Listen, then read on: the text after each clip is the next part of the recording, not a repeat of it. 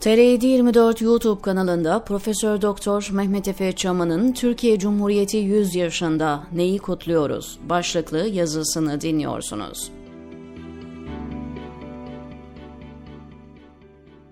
Cumhuriyet kavramı siyaset biliminde egemenlik meselesine atıfta bulunan teknik bir terim. Monarşilerin monark üzerinden tanımladığı egemenliği, post monarşiler halk egemenliği üzerinden tanımladı. Bu bir zorunluluktan kaynaklandı. Monarkın olmayacağı bir ülkede monark egemenliğinin doğal olarak başka bir bağlama taşınması gerekiyordu. Monark egemenliğinin bir başka bireye nakli yeni bir monark ve yeni bir monarşi anlamına geleceğinden egemenlik soyut bir halk mevhumuna nakledildi ve egemenliğin halk adına küçük bir elit grup tarafından kullanılmasının önü açıldı. Cumhuriyet böylece monarşik devletin zıddı oldu. Fakat monarşilerin zıddı olan cumhuriyet her ne kadar bir kategori de olsa bu kategori, kategoriye giren cumhuriyetlerin birbirinden çok farklı özellikleri haiz olması gerçeğini değiştirmez. Tek başına cumhuriyet olmak, o devletin rejimine ilişkin fazla bir belirlemede bulunmuyor. Bir devletin cumhuriyet oluşu, onun politik sistemini, rejimini, devlet mimarisini, politik yönelim ve değerlerini, tercihlerini, özelliklerini doğrudan belirlemez. Dolayısıyla cumhuriyet kavram kategorisi içinde birçok farklı rejimsel özellik olabiliyor. Diğer bir ifadeyle cumhuriyet olmak beraberinde standart bir takım rejimsel özellikler getirmiyor. Cumhuriyetler içerisinde liberal demokratik, otoriter, faşist, komünist, teokratik vesaire rejimler olabiliyor. Kuzey Kore, İran, Almanya birer cumhuriyet. Ancak rejimleri taban tabana birbirinden farklı. Türkiye kendi özel tarihi koşullarında kurulmuş bir cumhuriyet ancak salt cumhuriyet olma haliyle devletin rejiminin ne olduğu konusunda fazla bir fikir edinilmesi odaklı değil. Önemli olan Cumhuriyeti liberal demokratik, evrensel insan haklarına dayalı bir hukuk devleti yapabilmektir. Türkiye Cumhuriyeti bir ulus devlet inşası hedefliyordu. Bu yönde bir yönelim esasen İttihat ve Terakki dönemi Osmanlı İmparatorluğu'nda başlamıştı. İttihatçılar Osmanlı Devleti'nin parçalanmasına engel olmak istemişlerdi. Bunu başarmak için Osmanlı'nın denediği üç tarzı siyasetin her üç siyasetinden de yararlanmaya çalıştılar. Fakat Osmanlı kimliği üzerinden Osmanlı etnik unsurlarını bir arada tutmak mümkün olmadı. Bunun üzerine İslam ümmet kimliğini operasyonel hale getirerek Müslüman Osmanlı topluluklarını bir arada tutmaya yöneldiler. Ancak bu da Balkan Müslümanlarının ve Arapların benimsememesi yüzünden işlemedi. Sonuçta geriye üç tarzı siyasetin etnik milliyetçi kimliği kaldı. İmparatorluğun son yılları etnik homojen bir millet yaratmakla geçti. Bu çok patolojik strateji Ermeni soykırımı, Rum soykırımı ve Süryani soykırımı başta olmak üzere bir dizi yanlış siyasetle sonuçlandı. Buna karşın İttihatçıların daha büyük bir imparatorluk hayali, Osmanlı'yı kaybedilen toprakları geri almak ve Türk topluluklarının yaşadığı Turan illerini fethetmek gibi maceracı ve tehlikeli bir siyasi yönelime soktu. Bu uğurda Birinci Dünya Savaşı'na girildi ve sonuçta Osmanlı İmparatorluğu bu savaşı kaybetti ve çöktü. Kemalistler Cumhuriyeti böyle bir miras üzerine kurdu. 1923 yılında Anadolu büyük oranda Türkofon ve Kürdofon nüfuslardan oluşmaktaydı. Kürtler azınlıktaydı ve siyasi olarak etkisizlerdi. Kemalist hareket ittihatçıların devamı olan kadrolardan oluşuyordu.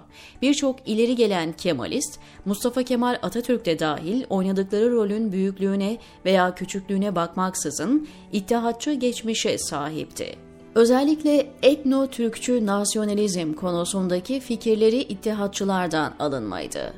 İktidarlarını sağlamlaştırdıklarında ittihatçıların Anadolu'da etnik temizlik yaptığı gerçeğini reddettiler.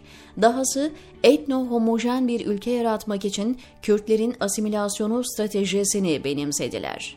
Yani ittihatçıların seçtiği politikayı aynen devam ettirdiler. Bu politikanın temeli Kürtlerin varlığını reddetmekti. Ancak bunu yaparak Kürtlerden kurtulamayacaklarını biliyorlardı. Çünkü Kürtler vardı ve bu gerçek kimlik reddiyle değişmeyecekti. Bu bağlamda 1925'ten itibaren bizzat Atatürk'ün direktifleri ve kararıyla Şark Islahat Planı devreye sokuldu. Son 100 yıldır bu planın gereği olan ittihatçı asimilasyon politikası devam ediyor. Cumhuriyet bizlere, vatandaşlarına hep saltanatı ve hilafeti kaldırmasını bir demokratikleşme misyonunun tamamlanması olarak sundu. Egemenliğin padişahtan alınıp halka verilmesi başka ne olabilirdi ki? Oysa aynı cumhuriyet bize, vatandaşlara Osmanlı'nın son döneminin mutlak monarşi olmadığını, tam işlevsel olmasa da anayasal bir monarşi olduğunu, Osmanlı'yı son dönemde padişahın değil bir partinin ve onun hükümetini oluşturan nazırların, bakanlarının yönettiğini öğretmemeyi seçti. Osmanlı Meclisi Mebusa'nın meclis olarak Ankara'daki meclis hükümetini oluşturduğunu örtbas etti. Resmi tarih bize padişahlık yerine cumhuriyet gelmesini tarihi bir demokrasi misyonunun doruğa çıkması gibi anlattı. Atatürk'ün 1923-1938 arası 15 yıllık tek parti yönetimi farklı partilerin olmadığı göstermelik seçimlerle ülkeyi yönetmesi, onun yerine geçen İsmet İnönü'nün aynı şekilde 7 yıl tek adam olarak iktidarı devam ettirmesi gibi gerçeklerin üzerinde durulmadı. Otoriter mirasın uluslararası konjonktür gereği Birleşmiş Milletler kurucusu olmak için çok partili rejime geçilmesi sonrasında da vesayet sistemi olarak devam ettiği gerçeği de önemsenmedi. Son 100 yılda dünyada meydana gelen değişimlerin de Türkiye sosyolojisinin de gereği olan dönüşümler yapılmadı. Cumhuriyet son 100 yıldır demokratik etnik kimlik özelliklerini kabul eden türde eşit yurttaşlığa dayalı yani sivik bir üst kimlik oluşturmayı amaçlayan bir kimlik politikası uygulamadı. Salt cumhuriyet olması Türkiye'nin izlediği bu son derece ırkçı politikayı tolere etmemizi gerektirmiyor. Bu örneğin dışında Cumhuriyet retorik düzeyde vurgulasa da ülkeyi demokrasi ve hukukun üstünlüğüne dayalı muasır uygarlık düzeyine çıkartamadı. İyi niyetle çalıştı ama başaramadı diyecek destekleyici bir argüman bulmak da zordur ayrıca bu konuda.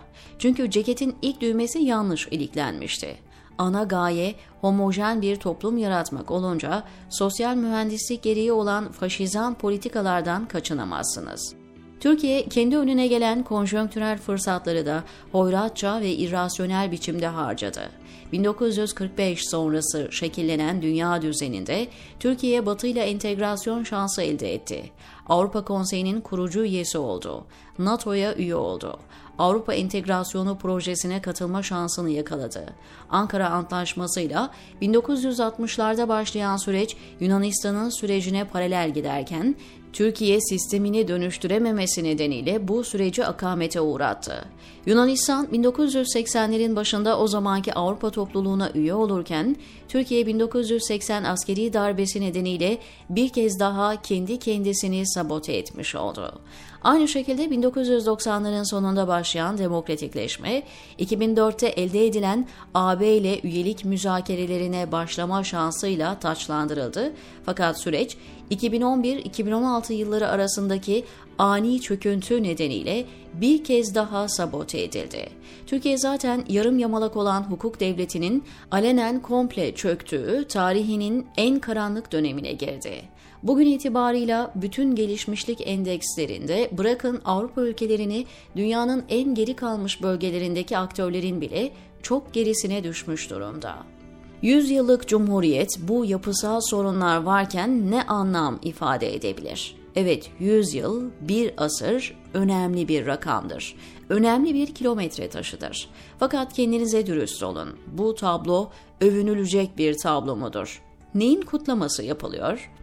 Tarihindeki hataları reddeden, gerçekleri yeni nesillerden gizleyen, bodrum katları iskeletlerle dolu asimilasyoncu devlet mi? Yoksa onun dayattığı Türk üstünlükçü, Türkçü İslamcı senteze dayalı kimlikleri dayatması mı? İşkencenin sistematikleşmesi, insan haklarının gereğinin yapılmaması mı? Ekonominin çökmesi, hala gelişmiş ülke kategorisine geçilememesi mi? Hapishanelerin gazeteci, profesör, yazar, düşünür dolu olması mı? Gençlerin ülkeden çıkma yolları aradığı, gelecek umudu olmayan insanların sayısının çığ gibi büyümesi mi? Devletin putlaştırılması, Atatürk'ün ulu önder olarak tarihi bağlamından kopuk, idealize edilen statik bir figüre indirgenmesi mi? çarpık kentleşme ve doğanın katledilmesinin rantının bizzat devlet zannettiğimiz çete tarafından yenmesi mi? Bugün 29 Ekim 2023. Cumhuriyet kurulalı tam bir asır olmuş dile kolay. Fakat gelinen nokta bakımından Türkiye Cumhuriyeti'nin gurur duyulabilecek bir başarısı olduğunu söylemek imkansız. Devletler ancak karşılaştırılmalı olarak ele alınınca başarılı veya başarısız oldukları anlaşılabilir. Türkiye tüm karşılaştırmalı değerlendirmelerde vasatın bile çok altında bir ülke. Hukuksuzluk, faşizan kimlik politikası, yolsuzluk, otoriterlik, hesap verilebilirlik ve şeffaflık gibi demokratik gerekliliklerin yerine getirilememesi, korkunç ekonomik tablo, İslamcı nasyonalist ideolojilerce domine edilen siyasi partiler ve siyasi hareketlerden oluşan politik atmosferi, kısaca Türkiye tüm temel konularda kanser metastaslarının bünyeyi işgal ettiği çok hasta bir ülke. Dahası Cumhuriyet'in resmi tarih tezi üzerine inşa edilen kimlik politikalarının sonucu olarak halkın geniş bir kesiminde bu yaşanan sorunları görebilme yetisi de maalesef yok. Dahası bu sorunların varlığını iyi niyetle ortaya koyanlara ve iyileşme talep edenlere yönelik olarak da rejimin rigid bir takibat politikası söz konusu. Temel özgürlüklerin ve evrensel insan haklarının yerleşmediği ve uygulanmadığı, demokrasi ve hukuk devleti olmayan, zulüm üreten, insan öğütücü, ceberrut ve otoriter bir cumhuriyet kuru kuruya hiçbir anlam ifade etmez. O halde neyin 100. yılını kutluyoruz? Diyor Mehmet Efe Çaman TR724'deki köşesinde.